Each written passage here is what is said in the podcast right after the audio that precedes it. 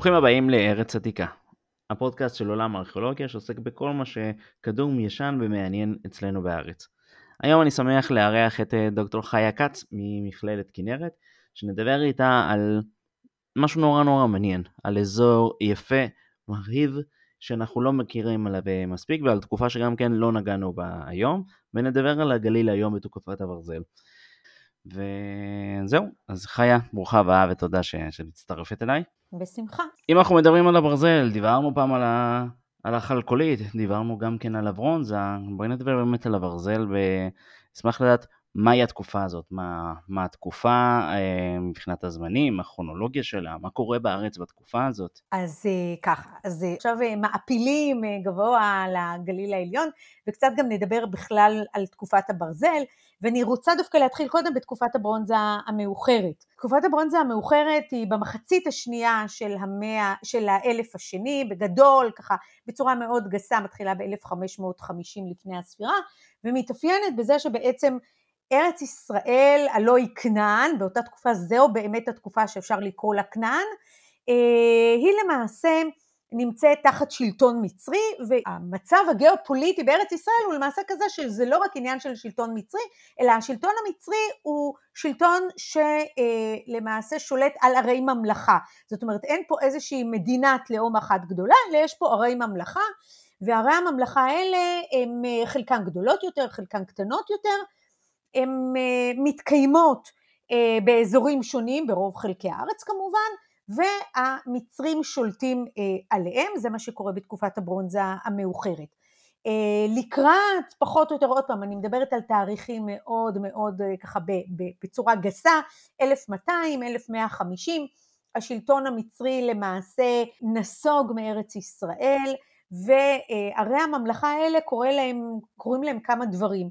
חלק מהם נעלמות בכלל מהזירה. החצור אגב עוד הרבה קודם, כלומר חצור עוד איפשהו בתוך המאה ה-13 נעלמת מהזירה. אה, ערים אחרות ממשיכות בקיומן, אבל הן נחלשות.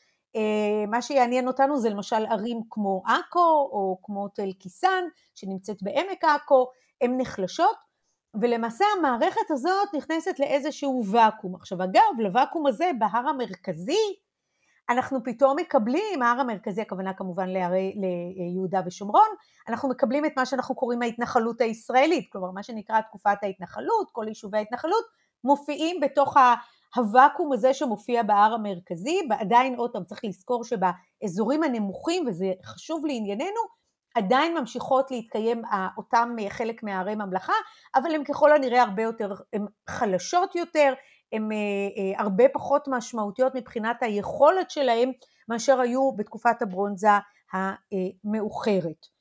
וזה בעצם המצב של המעבר לתוך תקופת הברזל, אנחנו מכנים את הפרק הראשון בתקופת הברזל, תקופת הברזל א', אה, שזה בעצם פחות או יותר עוד פעם מ-1200, 1150 עד נאמר 980, 70 לפני הספירה, אפילו 950 לפני הספירה, ובפרק הזמן הזה למעשה באמת אה, הוא מאופיין אה, מצד אחד אה, באזורים הרריים יותר ביישובים קטנים, צריך לזכור שבעמקים כן יש לנו איזושהי המשכיות של המערכת הכנענית, אני לא אכנס פה לוויכוח מה המשמעות של זה, אבל אנחנו כן רואים המשכיות של המערכת הכנענית, בחלקה, לא כולה, בחלקה, אם כי היא ככל הנראה יותר חלשה מאשר בברונזה מאוחרת. ומה שחשוב אה, לענייננו, שבסופה של, אה, כמובן בתקופה הזאת יש לנו את הפלישתים שנמצאים באזור שהוא לא נדון בו היום, אבל הוא בארץ ישראל, בדרום מישור החוף. יש לנו ככל הנראה גויי ים אחרים, קבוצות אחרות שמגיעות מקפריסין, אולי יוון, אולי אפילו צפון סוריה, שמתיישבות בצפון מישור החוף. ובאותה תקופה יש לנו תופעה גם מאוד מעניינת אה, בגליל העליון, שאנחנו אה, עוד מעט אה, נדבר עליה. תקופת הברזל מסתיימת, תקופת הברזל א' מסתיימת, כמו שאמרתי, בתוך המאה העשירית, 970 לפני הספירה, 950 לפני הספירה, ואז אנחנו נכנסים עוד פעם למערכות גדולות יותר. אם זה ממלכת יהודה, לא ניכנס פה עכשיו לוויכוח הממלכה המאוחדת כן או לא, אם כן. זה הגרעין של ממלכת ישראל, אם זה הארמים שמתחילים להתגבש, זאת אומרת אנחנו לאט לאט נבנים חזרה לתוך מערכות גדולות יותר, בצפון אגב צור מתחילה להתחזק, כלומר צור הפניקית מתחילה להתחזק בצפון, אנחנו נמצאים לאורך תקופת הברזל, למעשה עד 586, אה, זה הסוף של תקופת הברזל, חורבנה של ממלכת יהודה. אה, אנחנו נמצאים במערכת שהיא מערכת של אה, ממלכות לאום, לאחר מכן מערכות אימפריאליות, האשורים מגיעים לפה, המצרים, הבבלים, ובסופו של דבר הפרסים.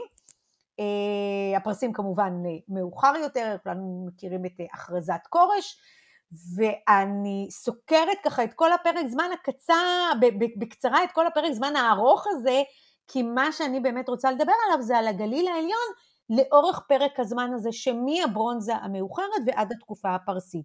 כשבתוכו יש לנו באמת את הלב של תקופת הברזל, כי לפחות אה, אני חושבת, לדעתי, אפשר להתייחס לאיזשהו משך ארוך בגליל העליון, כלומר אחד הדברים המעניינים שאפשר לראות אה, בגליל העליון זה שיש לנו, אפשר לבחון לאורך באמת מאות שנים את ההתנהגות של אותו אזור ולראות איזה שהם דגמים שחוזרים על עצמם וכאשר הם לא חוזרים על עצמם לנסות ולהבין מה הסיבות שהדגמים האלה לא חוזרים על עצמם. כן לגמרי. אז דיברנו על הגליל העליון שזה יהיה מוקד ה... הדיון היום, אבל לפני כן בואי נעשה קצת אה, סקירה של מהו הגליל באזורים האלה, כי יש לנו את הגליל העליון, התחתון, המערבי, אה, שנדע בדיוק על מה אנחנו מתכוונים. אז אחד הדברים, ה... אז זהו, זה דבר מאוד מאוד חשוב לדעת, מכיוון ש... אה, הרבה פעמים כשאומרים גליל עליון, ככה כשמדברים על גליל עליון, אז מדברים על אזורים שבעצם מבחינה גיאוגרפית הם לא הגליל העליון. והדוגמה הקלאסית זה עמק החולה. כלומר, עמק החולה, תשאל אדם מהיישוב, כן, אה, אני אה, לוקח צימר לשבת אה, בגליל העליון, או לא משנה, בקיץ, בגליל העליון, איפה אתה לוקח? בעמק החולה, מה זאת אומרת? כלומר, כל האתרים שאנחנו מכירים אותם ב- ב- באזור שם, אבל זה בעצם לא הגליל העליון.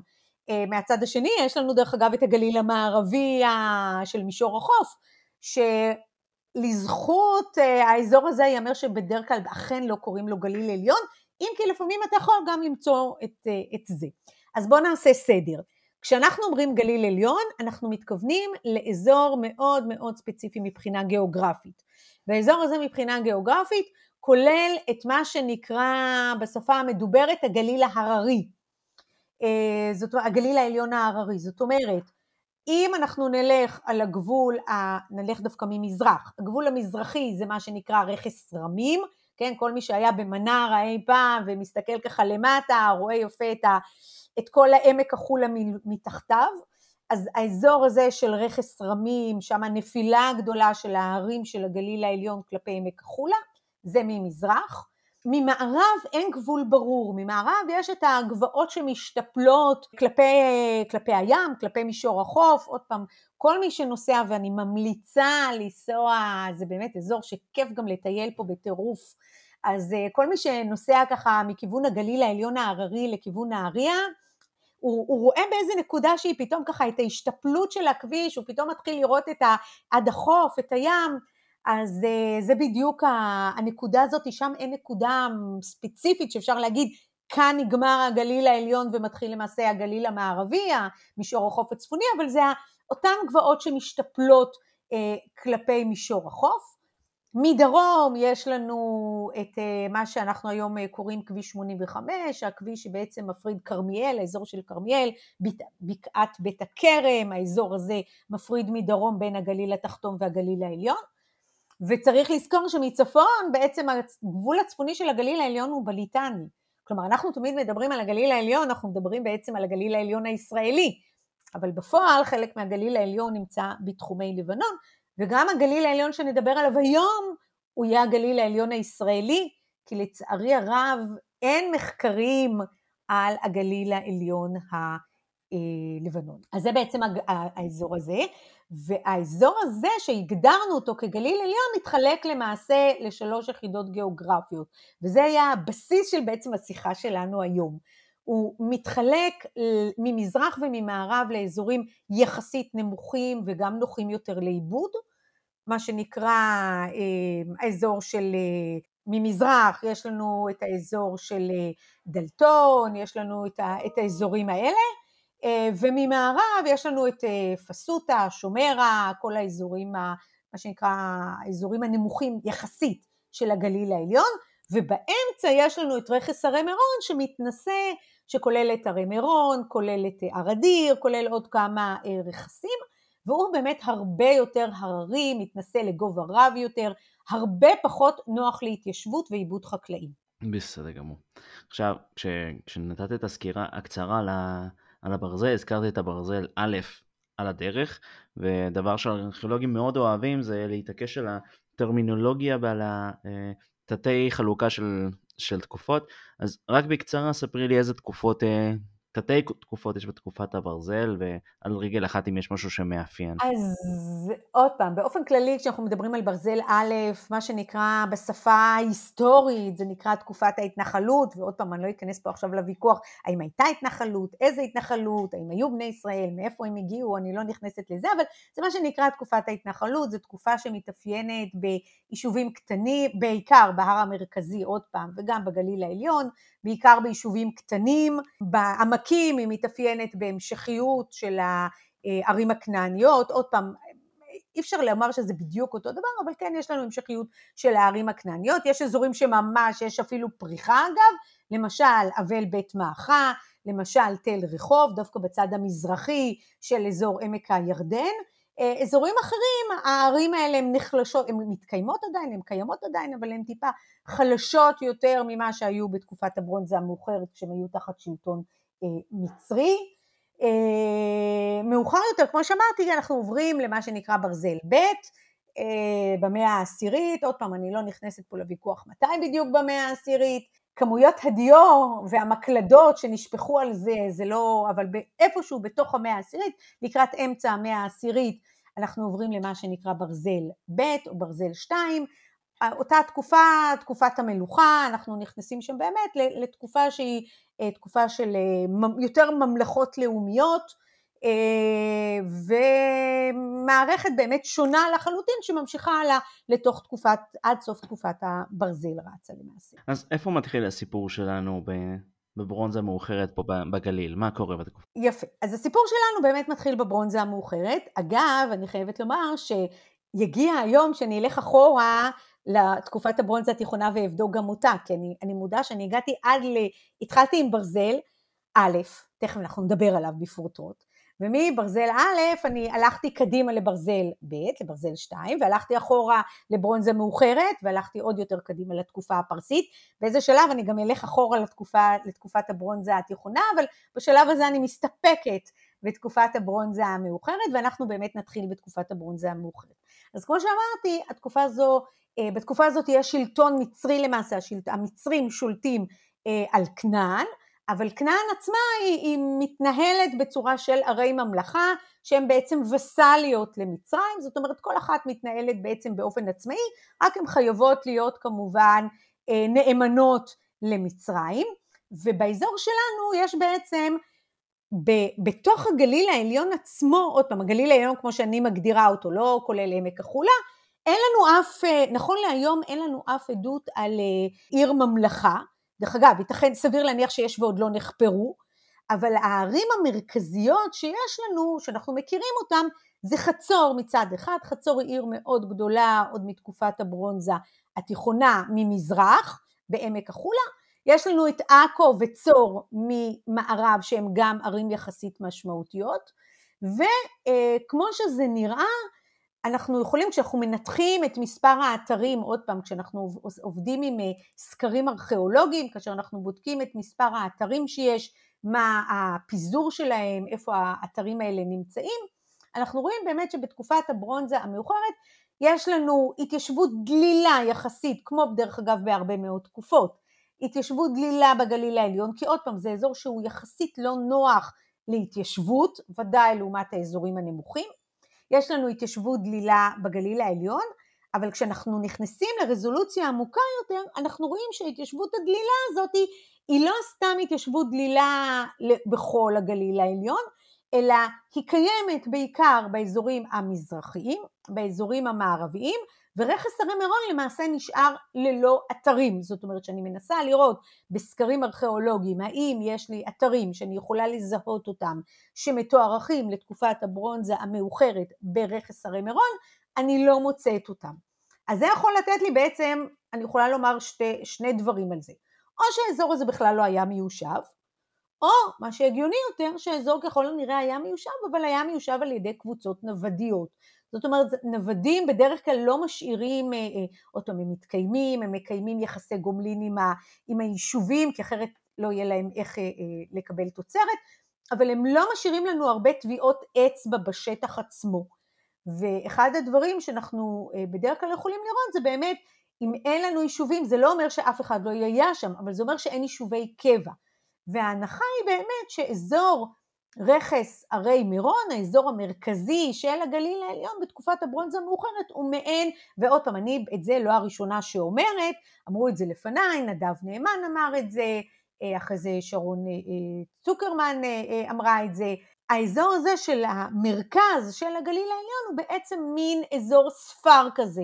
זאת אומרת, זה איזשהו אזור שהוא בין אזור ביניים, אזור חיץ, שהוא לא מיושב ביישובי קבע, אין שם התיישבות קבע, והוא מפריד בין ההתיישבות הקבע הדלילה באזור המזרחי והתיישבות הקבע הדלילה באזור המערבי, כאשר ההתיישבות הקבע הדלילה במזרח ובמערב זה בעצם התיישבויות שקשורות לערים החזקות באזורים הנמוכים. זאת אומרת, אם היה לנו פה מפה והיינו מסתכלים עליה, היינו רואים מערכת שבה יש לנו באזורים הנמוכים ערי ממלכה שהן יחסית חזקות, ודאי חצור חזקה, גם עכו וצור, והן שולטות, יש להן פריפריה שנמצאת באזורים הקיצוניים של הגליל העליון, ובאמצע, בלב של הגליל העליון, בעצם יש לנו איזה אזור חיץ לא מיושב. וזה המפה שאנחנו מסתכלים על הברונזה המאוחרת.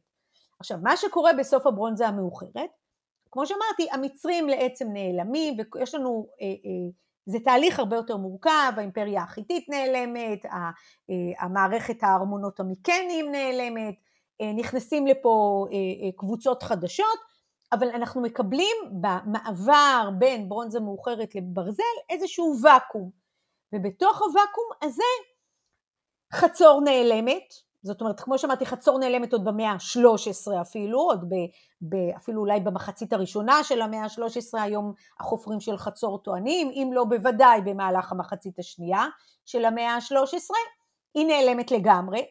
במה, במערב צור אנחנו יודעים שנחלשת, אה, עכו ודאי, גם תל קיסן, זאת אומרת בעצם אנחנו מקבלים, פתאום אין לנו את ה... את ה אם אנחנו מדברים על איזה שהם גורמים חזקים באזורים הנמוכים, אין לנו את, האזור, את הגורמים החזקים האלה באזורים הנמוכים.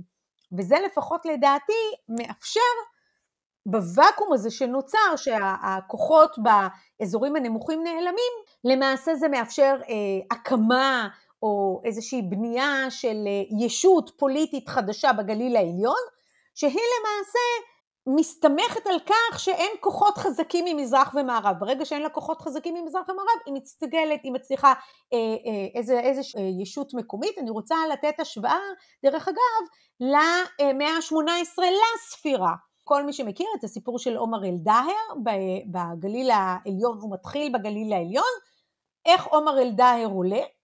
הוא למעשה עולה מכך שהאימפריה העות'מאנית נחלשת. האימפריה העות'מאנית נחלשת במהלך המאה ה-17, ואז בראשית המאה ה-18 הוא בעצם עולה. הוא עולה ומצליח להשתלט בהתחלה על הגליל העליון כולו, ומאוחר יותר על כל צפון ארץ ישראל. זאת אומרת, אני, יש פה הקבלה מאוד דומה בין התהליכים האלה. ההבדל בין התהליכים, וכאן אנחנו מגיעים כבר למעשה לסוף תקופת הברזל א', זה שבניגוד לעומר אל-דאהר, שהאימפריה העות'מאנית המשיכה להיות חלשה, האימפריה העות'מאנית למעשה עד סוף ימיה אמנם היה לה תקופה במאה ה-19 של הרפורמות, שהיא אה, קצת התחזקה, אבל היא אף פעם לא חזרה לימים, ה... לימי הזוהר שלה במאה ה-16 ובמחצית הראשונה של המאה ה-17. אז עומר אלדאר יכל להתחזק. מה שקורה בגליל העליון זה שבמאה העשירית, במהלך המאה העשירית, הכוחות באזורים הנמוכים חוזרים להתחזק עוד פעם. זאת אומרת, יש לנו את צור שמתחזק, את הצור הפניקית הפעם, כן, כמו שאנחנו מכירים אותה, מתחזקת עוד פעם, ואז מן הסתם משתלטת על אזורים בתוך הגליל העליון המערבי. ממזרח, אני לא אכנס פה עוד פעם לשאלה האם זה ממלכת ישראל או הארמים, אבל אין ספק שיש כוחות שנכנסים במאה העשירית מה, מהאזורים של עמק החולה, ועוד פעם, אה, למעשה משתלטים על חלקים בתוך הגליל העליון המזרחי, וככה אותה ישות שקמה בגליל העליון המרכזי, או שהצליחה למעשה לשלוט על כל הגליל העליון בברזל אחד, נעלמת כי, כי יש כוחות חזקים חדשים שבאים ומשתלטים ולא מאפשרים את ההמשכיות שלה. עכשיו, כשאנחנו מדברים אה, על הברזל אחד לפני שהוא, שהוא בורח לנו, את אה, חופרת את אחד האתרים שלפחות יש להם את השם הכי מגניב לדעתי בארץ, שזו הר אדיר, ויש לו, יש לו משמעות והוא אתר מעניין וחשוב באזור. אז אה, איך, איך ההר הזה, האתר הזה עומד אה, בפני עצמו בתקופה הזאת, מה אנחנו יודעים עליו בדיוק בתקופה הזאת של, של הוואקום, מה קורה שם? אז זהו, אז האמת שהסיפור של החפירה של ההר אדיר זה סיפור מאוד, זה סיפור מאוד מעניין אגב, זה סיפור של אה, חפירה משנות ה-70 עד היום, ועוד פעם, במסגרת ההמלצות שלי גם לצאת לטיולים, אני באמת, בהר אדיר יש גם מצפור יפהפה, שבנו שם לזכר חללי מלחמת לבנון השנייה, שבאמת צופה לכל דרום לבנון, ובהר אדיר הצבא בשנות ה-70 בנה מתקן תקשורת, מתקן תקשורת שקיים שם עד היום, על הפסגה של הר אדיר, וכאשר בשנות, באמצע שנות ה-70, 1975, הם אה, בנו את המתקן תקשורת הזה, למעשה בולדוזר פרץ דרך כדי אה, להגיע למעלה, ואז על פסגת, ה, על פסגת ההר הוא למעשה פרץ איזשהו אה, שביל, ופתאום משני הצדדים התגלו קירות מאוד גדולים ומאוד מרשימים. פאני ויטו ודייוויד דייוויס חפרו שם, פאני ויטו ערכה שם חפירה קצרה, איזושהי חפירת באמת רק לראות מה יש שם, ואחרי זה דיוויד דייוויס המשיך את החפירה וחפר את כל הפינה הצפון מערבית של המצודה הזאת, והתברר שיש שם מצודה. עכשיו זה דבר מאוד מעניין, כי עוד פעם, כמו שאני כבר אמרתי, אחד הדברים שמאפיינים את אתרי הברזל אחד, זה מצודה שמתוארכת לברזל אחד, ואחד הדברים שמאפיינים את הברזל אחד, זה דווקא אותם אתרים כפריים קטנים, אותם אתרים שאנחנו קוראים להם כפרי התנחלות או אתרי התנחלות, וזה ממש לא אתר התנחלות, יש שם מצודה יפה עם כמה שלבים, וזה באמת אה, מאוד מרתק מה המצודה הזו עושה שם. במשך הרבה מאוד שנים החפירה הזו לא פורסמה מכל מיני סיבות, לא ניכנס פה, זה סיפור בפני עצמו, החפירה הזאת לא פורסמה, ולמעשה הסתמכו על מה שהחופרים אמרו ככה בשורה אחת אה, בפרסום הראשון שלהם, מה שהביא לכך שחלק חשבו שאפשר לתארך את המצודה הזאת עד המאה התשיעית. מאה התשיעית אנחנו בימי עומרי, בית עומרי, ממלכת ישראל. הניתוח הקרמי שאני עשיתי לקרמיקה מהחפירה המקורית הראה שבעצם הכל שייך לתקופת הברזל א', מקסימום ממש ראשית ברזל 2, אבל אנחנו ממש לא בתקופה של בית עומרי. וזה מחזיר אותנו באמת לשאלה המאוד מרתקת, מה בפרק זמן שבו לכאורה יש לנו כפרים קטנים, עושה שם בלב הגליל העליון מצודה שבנויה בצורה כל כך יפה. אני חושבת שזה קשור לאותה מערכת פוליטית, לאותה ישות פוליטית שהצעתי שהתקיימה שם בברזל אחד, אה, אני לא יודעת אם זה היה המרכז שלהם, כי לא רחוק משם, ממש קילומטרים בודדים, יש את תל ראש, אה, שנמצא על יד מושב אלקוש, ממש צמוד למושב אלקוש. תל ראש הוא תל גדול מאוד, הוא היה מיושב בברזל אחד, אז ייתכן מאוד והמרכז של אותה ישות פוליטית היה דווקא בתל ראש, והיה להם רק איזשהו מצודה או משהו גם בהר אדיר, זה, זה דבר שנכון להיום לא ניתן לתת עליו אה, תשובה, אה, אבל מה שברור זה שיש שם אכן מצודה עם כמה שלבים, שמתוארכת לברזל אחד, עם כלים, חלקם מקומיים, חלקם כלים שמגיעים מפניקיה, כולל כלי שמגיע אפילו מדור, מהחוף ממש, כלומר לא החוף הצפון של צפון ארץ ישראל, אבל אה, יחסית דרומית אה, לגליל. והמצודה הזאת למעשה ננטשת בסוף ברזל אחד, וזה חלק בדיוק מהסיפור שלדעתי ברגע שהכוחות מתחזקים בברזל 2, בראשית ברזל 2, במאה העשירית, המצודה הזאת יחד עם כל אותה ישות פוליטית למעשה נעלמים מן העולם, כי עוד פעם, בניגוד לימי עומר אלדאייר, פה יש כוחות חזקים, זה לא האימפריה העות'מאנית שממשיכה אה, לרדת ולרדת, אלא יש כוחות אה, חזקים שבעצם לא מאפשרים את קיומה. ובקשר לכוחות האלה, שמצד אחד זה פניקיה, מצד שני ממלכת ישראל סלאש המורים. הארמים, כן. הארמים, סליחה. מה, מה קורה ביניהם? אנחנו כבר uh, מתקדמים עם הזמן, ומה הקשרים שיש באזור? זה אחד, הד... פה אנחנו חוזרים, זה בדיוק, כשאמרתי שאנחנו בודקים את הדברים לאורך ה, מה שנקרא הלונג דוריה, המשך הארוך, אנחנו רואים שאנחנו בעצם חוזרים, עוד פעם, מסתכלים על הסקר של האתרים ומנתחים אותו, אנחנו רואים שיש לנו מצב שהוא בעצם חוזר במידה מסוימת לברונזה המאוחרת. זאת אומרת, יש לנו התיישבות דלילה, ועוד פעם צריך לזכור, כמעט תמיד ההתיישבות היא דלילה, כי תמיד עדיין הגליל, גם האזורים הנוחים בגליל העליון הם עדיין פחות נוחים מאשר כנראה האזורים הנמוכים יותר.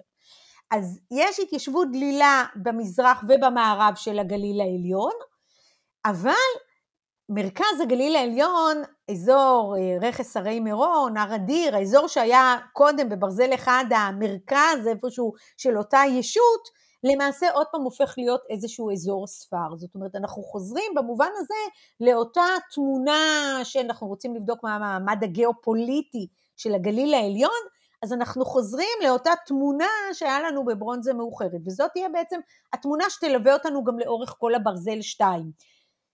אזור, האזור המערבי של הגליל העליון הוא קשור לעולם הפניקי. עכשיו יש לנו את הפניקים, יש לנו את צור, צור מתחזקת מאוד, אם קודם אמרנו שבברונזה מאוחרת זה היה חלק או מצור או מעכו, עכשיו זה די ברור שזה חלק מצור, מחלק מהעולם הפניקי.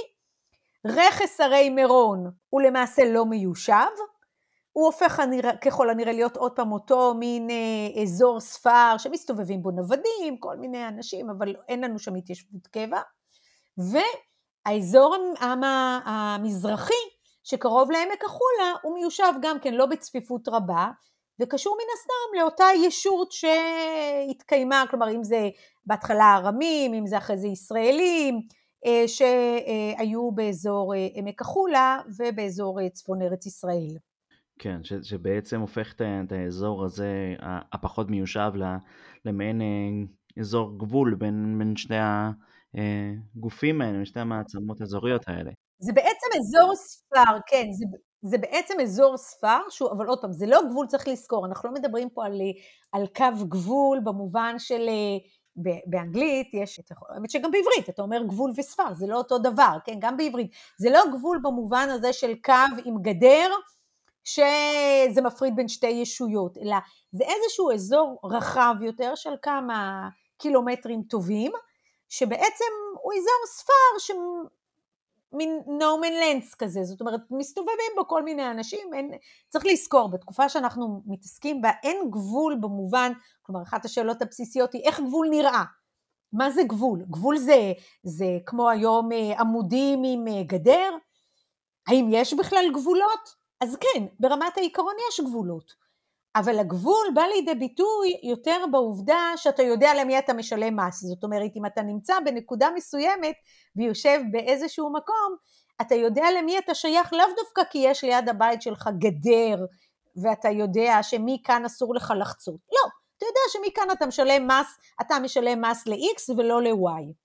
אז במובן הזה, הרכס הרי מירון הוא נשאר איזשהו אזור ספר שהוא הוא לא שייך בעצם לאף ישות נכון. פוליטית. עכשיו, זה מאוד קרוב וסמוך לגבול המדיני האקטואלי של ישראל, כולל הגדר שאז לא הייתה בעמדות ומגדלי שמירה, אבל כן זה אזור שהוא מרובה במצודות, במתקנים שהם אה, אה, באים לשמור. אז עליהם הייתי רוצה לשמוע קצת יותר. מה, מה יש לנו ומה מאפיין אותם. אין בעיה, אבל שים לב רק לדבר אחד, אתה דיברת, כלומר, ההסתכלות שלך עכשיו, במה שאתה אמרת עכשיו, הייתה הסתכלות של צפון-דרום. זאת אומרת, אתה אמרת, זה אזור גבול כמו היום. עכשיו, היום הגבול הוא צפון-דרום, לבנון-ישראל, צפון-דרום. הגבול שאנחנו מדברים עליו הוא דווקא גבול יותר של מזרח-מערב.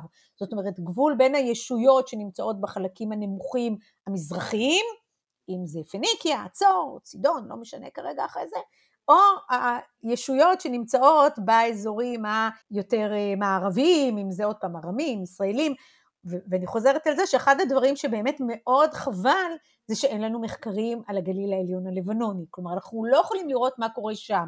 כן, כי, כן. כי פשוט אין.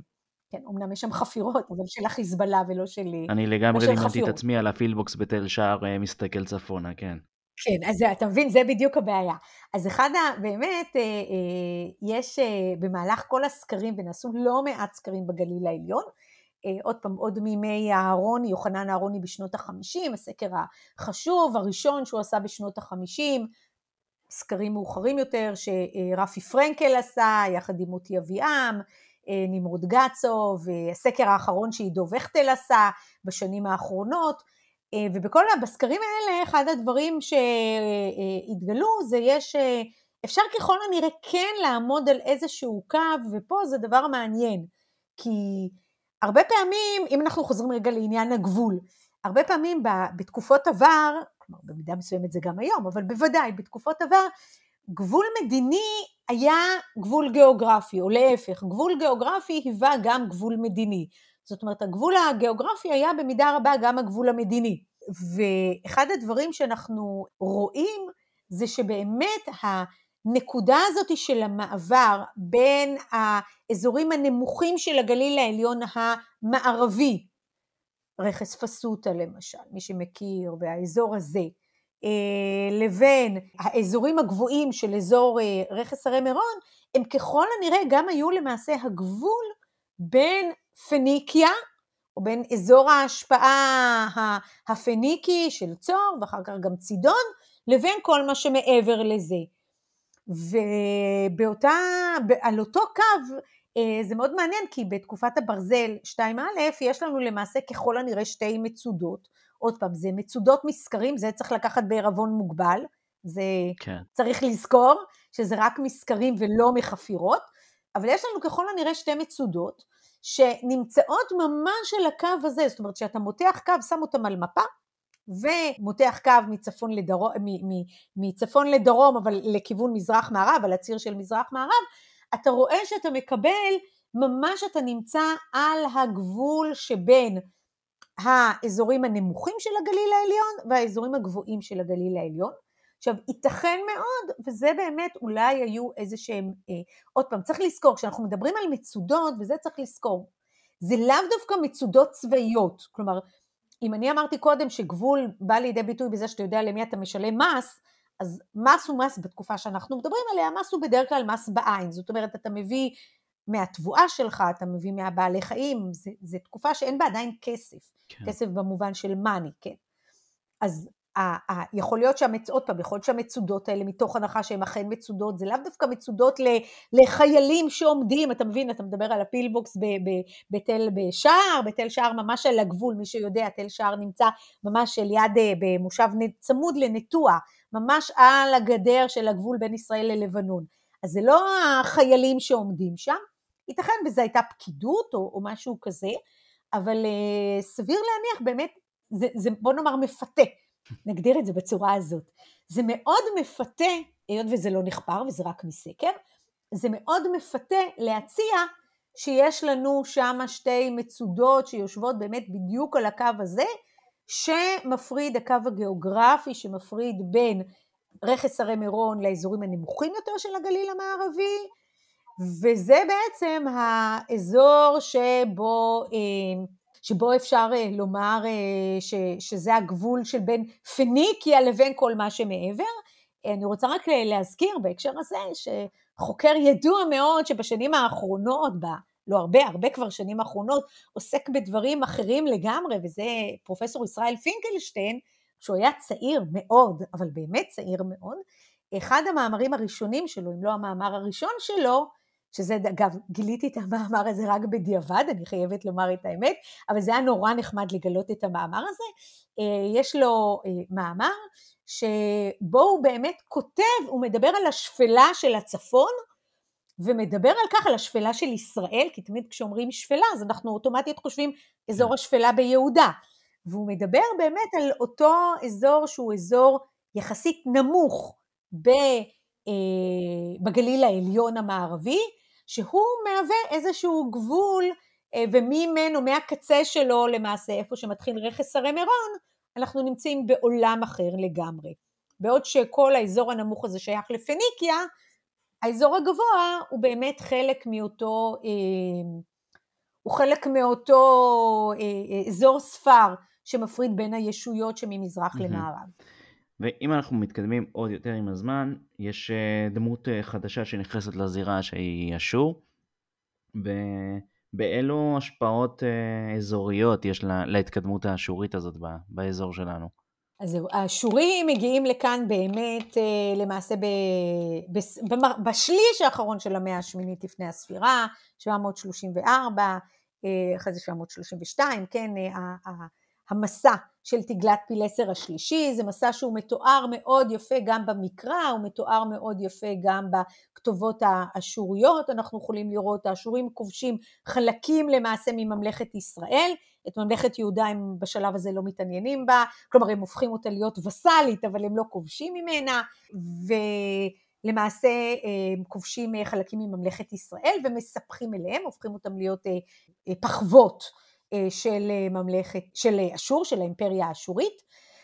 ואחד הדברים, אני חושבת שאפשר לראות בצורה מאוד ברורה, זה באמת גם פה, לאורך הרבה מאוד שנים, כשדיברו על, כשדיברו על, על תגלת פילסר והכיבושים של תגלת פילסר, זה היה, תמיד דיברו על כך שתגלת פילסר למעשה כובש את כל הגליל העליון והגליל התחתון, והופך אותם לחלק מפחוות מגידו. אני חושבת שניתוח ככה דקדקני של הטקסטים, גם המקראי וגם הטקסט האשורי, מראה למעשה שבאמת אה, יש לנו הבדל מאוד משמעותי בין האזורים השונים של הגליל העליון. זאת אומרת, בעוד שהאשורים באמת כבשו את עמק החולה, אנחנו יודעים את ההרס שהם זורעים באתרים כמו אבל בית מחק, כמו בחצור, אה, אפילו דרומה יותר כמובן, תל רחוב, עוד פעם, שכבה 4 בתל רחוב.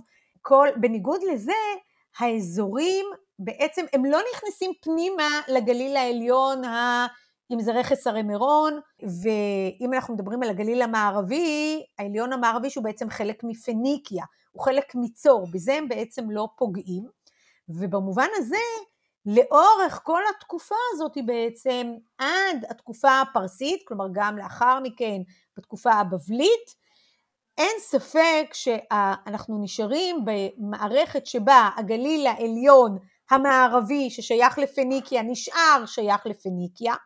צריך לזכור שבסופו אה, של דבר הם נתנו, האשורים נתנו, אה, העדיפו להשאיר את ה, ודאי את צור ואת הממלכות הפניקיות, כי הם רצו כמובן ליהנות מפירות המסחר הימי שלהם. רכס הרי מירון נשאר כאיזשהו אזור ספר, והאזור המזרחי של הגליל העליון עם עמק החולה באמת הופכים להיות חלק מהפחוות, מהפחווה קודם האשורית ולאחר מכן אוקיי. הבבלית. Okay. אם אני זוכר נכון, אה, כשעוד, כשעוד הייתי בלימודים, את אה, תל חצור, שרואים ככל שהשכבות מתקדמות, רואים אה, את העיבוי בחומות והבנייה היותר הגנתית לקראת האסון שקרב ובא.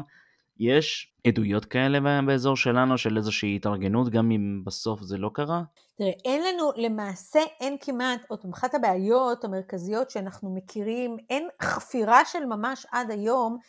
כל הידיעות שלנו, הגליל העליון, עוד פעם, כשאני מדברת על הגליל העליון, אני מדברת על, הם מסקרים. זאת אומרת, נכון להיום, לא אה, אה, התקיימה אף חפירה מהתקופה הזאת, חפירה יזומה, כלומר אני התחלתי לחפור בתל ראש, אני אחרי זה אה, עברתי קצת להר אדיר, אני מתכוונת לחזור לתל ראש, אה, אבל אין לנו למעשה אף חפירה יזומה אחד, בתל ראש למשל אנחנו רואים שהיא עוד פעם, תל ראש נמצא בחלק המערבי של הגליל העליון, רואים את הקשר לפניקיה, רואים את הקשר, אין, אין שם חוכמות, גם בתקופה הזאת של, ה, של האימפריה האשורית, במאה השביעית, אתה רואה, ובסוף המאה השביעית, כשהבבלים מגיעים, אתה רואה את, ה, את הקשר המאוד מאוד חזק לפניקיה, כלומר החלוקה הזאת המשולשת של הגליל העליון זה מאוד מאוד בולט, של הגליל העליון המערבי שהולך עם פניקיה, ערי מירון, רכס ערי מירון שהוא מין אזור ספר כזה, ובתקופת הברזל 2 אני מתכוונת,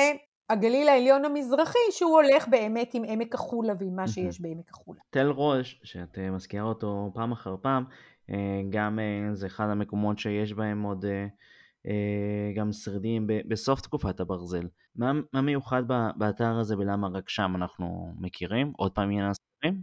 אה, לא, אז ככה, קודם כל, תל ראש הוא אחד הטילים החשובים של הגליל העליון, כלומר זה, זה תל שהוא תל, המיקום שלו הוא מיקום מאוד, אה, מאוד אסטרטגי, הוא יושב גם על הדרך, אה, הוא יושב על דרך שעוברת באמת לכיוון דרום לבנון, מעכו לכיוון דרום לבנון, אנחנו מכירים מפות אגב מהתקופה הצלבנית, והתל הזה, תל ראש היה מיושב למעשה, זה לא מקרה שהוא היה מיושב מברונזה קדומה, הוא היה מיושב על באמת, על חוץ מברונזה ביניימית, הוא היה מיושב לאורך כל התקופות מברונזה קדומה עד התקופה העות'מאנית, זאת אומרת הוא תל שהוא מיושב באמת אה, רב תקופתי, וגם היתרון שלו הוא, הוא תל שבאמת אה, ככה רואים אותו יפה מרחוק, והיתרון שלו גם שאין עליו למעשה יישוב, זאת אומרת בסופו של דבר גם למשל במעיליה וגם בגוש חלב, וכלומר אה, ג'יש, וגם במעיליה, ג'יש, פסוטה. בכל המקומות האלה הכפרים הערביים יושבים על גבי טילים קדומים. תל ראש, היתרון הגדול שלו, שבעצם אין עליו התיישבות מאוחרת. זאת אומרת, אפשר לבוא ולחפור אותו, אה, בכל האתרים האלה, כל החפירות שנעשו, זה חפירות שהן בעצם חפירות הצלה, זאת אומרת, היה צריך, אני אה, יודעת, אה, רצו ל... לבנות משהו, לשים צינור מים, חפרו, מצאו, אז פתחו ריבוע וחצי. תל ראש הוא תל של כמה עשרות דונמים, והוא תל יחסית גדול, הוא תל מרכזי, הוא אחד, כמו שאמרתי, אחד הטילים המרכזיים היום בגליל העליון, ופשוט הוא עוד לא נחפר, אבל הוא, אני מקווה שהוא ימשיך להיחפר בקרוב, מה שנקרא, ויש בו באמת, הממצא שבו הוא ממצא מאוד יפה, ומהמעט שנחפר, אה, רואים שם באמת את, ה, את הקשרים לפניקיה, אה, גם במאה, במאה השביעית, איך שזה באמת, הקרמיקה, הכל הולך ל... מסתכל למערב לפניקיה. לגמרי, אני מאחל לך שתקבלי את כל האישורים ש... שלא תמיד קל להשיג אותם. ואני אגייס, לא, לא, הבעיה היא לגייס את הכסף, אז אם במקרה מישהו שומע ורוצה לתרום לחפירה מעניינת, מעולה, מוזמן. מעולה, כן. באמת כולם מוזמנים. ועם זה אנחנו די, די נוגעים בתקופה אה, בכל התקופה באזור שלנו. על רגל אחת מה קורה בפרק הבא, בהמשך, אה, בהמשך הזמן באזור שלנו? בתקופה הפרסית אנחנו רואים עוד פעם משהו שונה, אבל גם לזה ניתן אה, לתת הסבר. אנחנו רואים פתאום עוד פעם שיש הרבה מאוד יישובים. זאת אומרת, זה חוזר במובן מסוים לברזל אחד, שפתאום אנחנו רואים הרבה מאוד יישובים. אם ראינו גם בברונזה מאוחרת וגם בתקופת הברזל 2, שבסך הכל היישוב היה מאוד דליל בגליל העליון, בתקופה הפרסית אנחנו רואים מתחילה להיות איזושהי התיישבות יותר אה, משמעותית, וזה קשור ככל הנראה באמת לעובדה שהצור הפניקית למעשה מתפשטת למזרח, זאת אומרת הפרסים נותנים לה את האפשרות להתפשט, הפרסים ששולטים, האימפריה הפרסית ששולטת פה נותנת לה את האפשרות להתפשט, צריך לזכור, הפרסים למעשה מאוד מעוניינים בצור, הם מעוניינים בצור חזקה, צור היא בשבילהם הדרך היציאה לים, הכרטיס אה, מערבה, ולכן במובן הזה ככל הנראה בזכות באמת היכולת של צור אה, והרצון של הפרסים אה, לתגמל את צור, הם מאפשרים, לה, אנחנו רואים אתרים, אה, כולל אתרים אדמיניסטרטיביים, זאת אומרת אנחנו רואים ממש אתרים אדמיניסטרטיביים פניקים בגליל העליון, אנחנו רואים בית אל קדש, יש לנו במצפה ימים, יש לנו ממש בסאסא, יש לנו פתאום אנחנו חוזרים לתקופה הזאת, ואחרי זה כבר העולם ההלניסטי זה סיפור בפני עצמו, שהוא באמת איך אומרים, לא כאן. וזה בהחלט אחד האזורים היפים בארץ. יופי, אני חושב שזה היה נורא נורא מקיף ומעניין. אה, נגענו באזורים שהם אה, יפים, מעניינים, ומה שמעניין בנחמד זה שיש עוד המון מה, מה ללמוד מהם. אז אה, זה היה לי כבוד ונורא נורא נחמד שהיית כאן. אז תודה רבה שהצטרפת לפרויקט ולתוכנית. העונג כולו שלי, המון בהצלחה. תודה רבה. לכם המאזינים אני רוצה להזכיר שאפשר כמובן לעקוב אחרי התוכנית גם בעמוד הפייסבוק, גם באינסטגרם של ארץ עתיקה. לפנות אליי אפשר בעתיקה פודקאסט שטרודל gmail.com או שטרודל protonmail.com ואם לדעתכם התוכנית היא מספיק טובה ומעניינת ואפשר לתת לה גם כן איזושהי תמיכה, תמיד אפשר להזמין אותנו לכוס קפה ב-buymeacoffee.com ולמצוא אותנו בארץ עתיקה. עד לפרק הבא, תודה רבה וניפגש.